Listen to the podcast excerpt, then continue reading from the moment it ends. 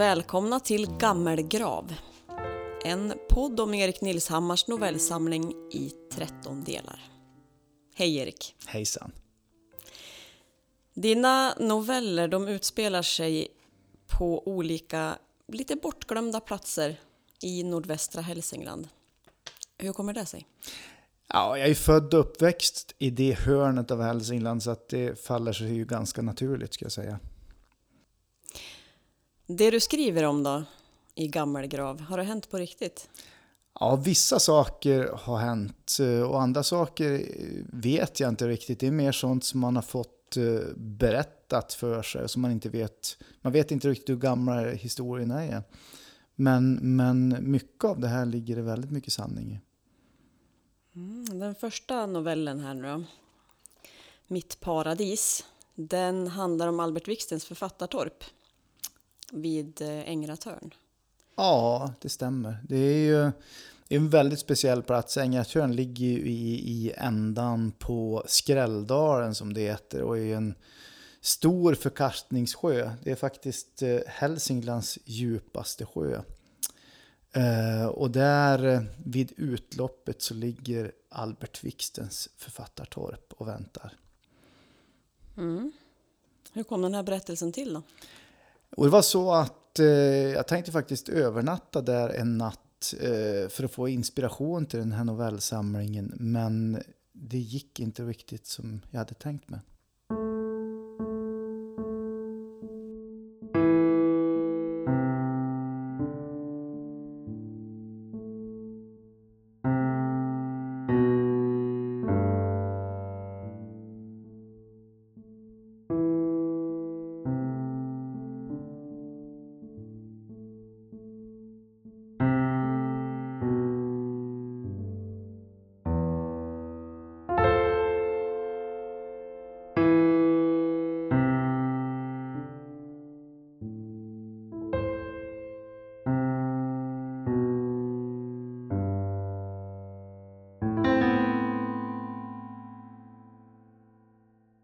Mitt paradis. Den oansenliga skogsvägen slingrade sig fram över tallmon innan den hejdades av en rejäl dubbelgrind. Väl innanför kunde jag se det gamla författartorpet ligga slumrande vid sjön. Jag äntrade gårdsplanen, tittade ut över sjön och såg bergsluttningen spegla sig i det kristallklara vattnet. Platsen hade kallat på mig. Här fanns saker att uträtta. Jag ställde ner mina resväskor, förde upp vegamössan från pannan och drog in den friska luften. Sedan fortsatte jag fram till torpet. Medan jag vred runt nyckeln i låset tänkte jag på det jag läst om Ängratörn. Hälsinglands djupaste sjö, belägen inför kastning i änden av Skrälldalen, 72 meter djup troligen mycket djupare på sina ställen. Någon ordentlig lodning hade aldrig gjorts. Men 72 meter dög det också, tänkte jag medan jag lade ifrån mig packningen i det lilla köket. Det fanns naturligtvis många sjöar som var djupare men de var i allmänhet mycket större. Ängratörn var med sin långsmala form närmast att betrakta som ett smalt yxhugg rakt ner i jordskorpan. Jag packade upp och ställde i ordning min skrivplats vid köksfönstret.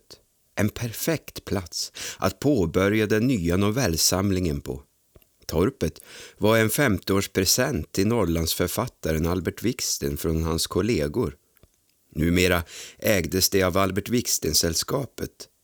En plats med anor, men som sällan utnyttjades av författare. Det kanske låg lite för avsides.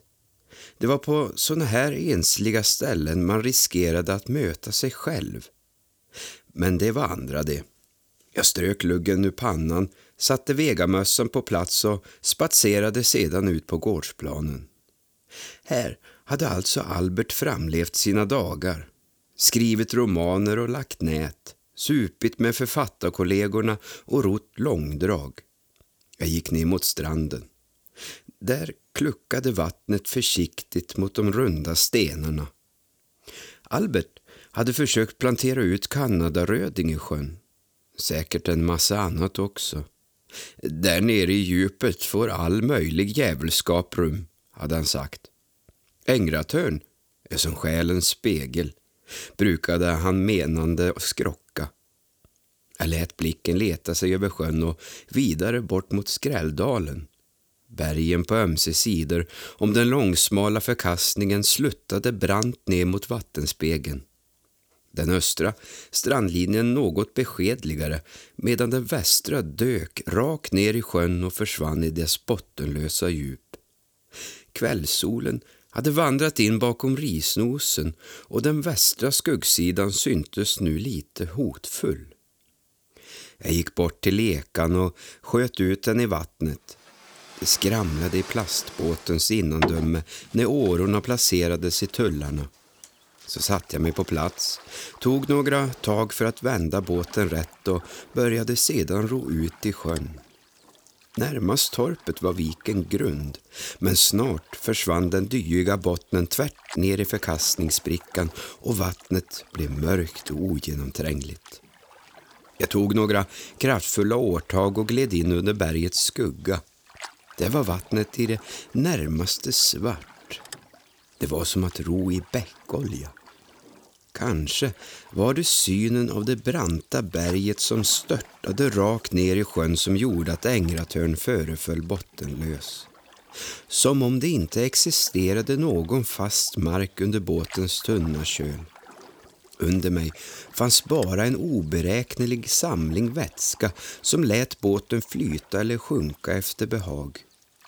Ovanför mig himlens oändliga gap som endast gravitationen frälste mig från. Jag befann mig på en liten skärva balanserande mellan det bottenlösa djupet och oändligheten. Det enda som höll den flytande var mina regelbundna årtag. Ett årtag åt gången. Ungefär som min andhämtning höll min kropp vid liv. Ett andetag åt gången. Hela tillvaron hängde på en skör tråd. Båten gled vidare genom vattnet. Jag följde den vildvuxna brantens konturer. Torpet blev allt mindre. Det låg där, långt borta och värmde sig i kvällssolen medan jag rodde allt längre in under skuggan vid bergets fot. Rös. Det var som att titta bort mot en annan värld. Bort mot trygga och lyckliga dagar när sinnet var i frid och stegen fjäderlätta. Nu färdades jag in i ett tungt dunkel. Efter en stund hade jag tagit mig halvvägs längs sjön. Jag slutade ro och lät båten långsamt stanna av. Den gjorde en liten gir och blev stående med akten mot den branta bergssidan. Jag såg mig om. Enligt topografin befann jag mig där sjön kunde tänkas vara som djupast. Tänk om jag ändå haft en lodlina. Jag böjde mig över relingen och tittade ner i det mörka vattnet. 72 meter. Min spegelbild fladdrade i krusningarna och där bakom anades en svart oändlighet. Jag försökte le, men min spegelbild visade bara upp en förvriden grimas. Själens spegel, tänkte jag och kände hur svetten kylde min rygg. Mina ögon uppfattade en rörelse i det svarta djupet. Jag, jag ryggade instinktivt tillbaka. För ett ögonblick hade jag sett någonting alldeles under båten. Men lika plötsligt var det borta. Jag tittade åter ner. Men vattnet var lika ogenomträngligt som tidigare. Jag lyfte bort ena åran och stack ner den runt båten för att känna om den slog i botten. Men den svaldes hel, var jag än körde ner den. Det kom en kall vind från det skuggiga berget. Min hud knottrades och jag började ro tillbaka. En märklig känsla grep tag i mig. Jag kände mig jagad. Årtagen blev kraftigare, farten ökade och båtens för klöv den kavlugna ytan och bildade en kil av båtsvall. Det knakade i årtullarna. Ett lätt skrapljud hördes mot skrovet. Som om det legat ett träd på botten och dess grenar nu klöste mot båtens köl. Ekan krängde till och tycktes bromsas en aning som om någonting grabbat tag om den. Jag tog i och rodde med ännu kraftigare årtag. Någonting under båten kämpade för att få tag, slet för att få med sig den ner i djupet. Jag drog så hårt i årorna att jag trodde de skulle knäckas. Ändå rörde jag mig inte framåt. Årorna slog ner i vattnet och piskade upp kaskader av vatten. Plötsligt träffade den ena åran någonting strax under vattenytan. Ens upphörde kampen och båten fortsatte obehindrat framåt. Jag höjde årorna och gled lättad vidare mot torpet. Mitt ansikte badade i svett. Med lugna, jämna årtag var jag snart inne i det varma solskenet i viken och kunde andas ut. Jag hade kommit bort från bergets skugga. Jag måste ha överreagerat. Eka närmade sig stranden och snart kände jag bottnen skrapa mot skrovet.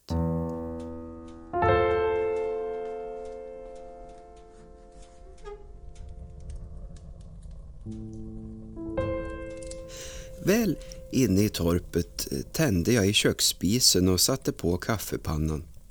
Kvällsluften kylde min svettiga skjorta. Eh, jag frös. Medan kaffevattnet kokade upp såg jag mig omkring. Den låga kvällssolen skapade skuggmönster på väggarna och alla inventarier som tidigare framstått så gemytliga verkade nu hotfulla. Albert Wiksten hade kallat denna plats för mitt paradis. Han hade till och med skrivit en bok om platsen med det namnet. Jag måste ta mig samman. Den råa luften i stugan fick mig att hacka tänder. Jag satte mig ner men fick ingen ro. Det var någonting som legat dolt i djupet. Som väckts och var på väg upp till ytan. Solen hade försvunnit ner bakom Törnberget och stugan var mörk och stum. Jag tände stearinljusen på köksbordet och såg hur lågornas sken lyste upp de enkla möblerna efter timmerväggarna. Jag lät blicken löpa längs bokryggarna på hyllan. Eld och bröd, blå gryning, vindkantring.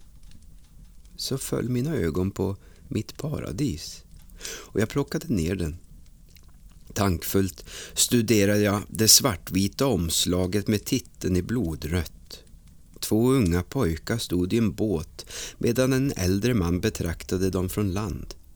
Det var troligen Alberts söner Hans och Sven som eh, metade medan Albert själv stannat vid strandkanten. En skugga syntes ligga över sjön. Jag rynkade pannan. Det var den gamle författarens kroppsspråk som verkade underligt. Såg inte Albert lite orolig ut när han blickade ut över sjön? Som om han var på sin vakt. Ville han vara säker på att det bara var bergets skugga som låg över sjön och inget annat? Visste han någonting om vad som dolde sig i Ängratöns sköte? Jag bläddrade hastigt igenom boken några gånger utan att finna några svar. Plötsligt föll ett papper ur och landade på golvet. Jag böjde mig ner och plockade upp det ihopvikta arket. Tog hastigt fram mina glasögon och såg på de handskrivna orden. Jag läste dem, viskande, gång på gång. Händerna började skaka okontrollerat. Pappret singlade mot golvet. Blicken flackade jagat runt i rummet och sedan ut genom fönstret där skymningen sänkt sig runt stugan. Elden i vedspisen hade falnat och det knäppte från glöden. Jag lyssnade. Ett hasande ljud hördes nerifrån stranden. Som en stor blöt säck drogs över gräset. Det knäppte olycksbådande som från krampande gälar som skrek efter vatten. En våt, kall skräck från botten av en klippskreva. Jag var med en säker. Jag ville dö. Jag försökte andas med så små andetag som möjligt. Men den djupa skräcken gjorde att andningen kom stötvis. Så blev det tyst. Det enda som hördes var mina hulkande andetag. Som från ett skadat djur. En avgrundsdjup ångest kröp allt närmare. Det enda som skilde oss åt var timmerväggen. En dunst av dy och så ett svagt vinande. Ett lätt rassel på torpets tak, som om trädens grenar skavde mot teglet. Fram och tillbaka, som om de letade efter en väg in. Det dova rasslet tilltog i styrka. Det prasslade, knäppte och skrapade mot timmerväggen. Torpet vibrerade. Det skallrade svagt i fönsterrutorna. Benen bar mig inte längre. Ljudlöst sjönk jag ner på golvet. Jag såg upp mot fönstret, men där fanns bara ett mörker. Och rörelse. En oformlig massa som närmade sig. Plötsligt stirrade ett klot runt öga emot mig. En glob av svart glas. Lika ogenomträngligt som Ängratörns vatten. En grå hinna flöt på dess lins. Allt annat blev stilla. Bara den svarta pupillen som memorerade hela min person och såg rakt igenom mig. För att jag aldrig skulle glömma.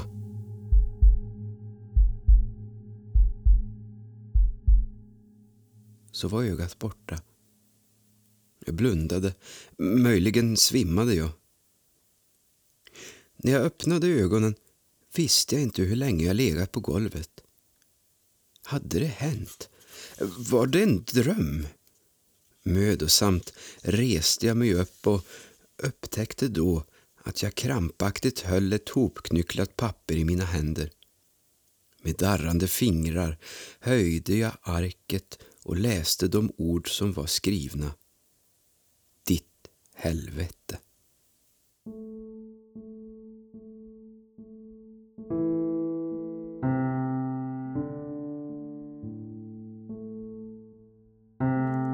Har lyssnat till podden Gammelgrav, producerad av Erik Toresson. Novellerna är inlästa av Magnus Johansson och jag heter Malin Lindgren. Tack för att du lyssnat!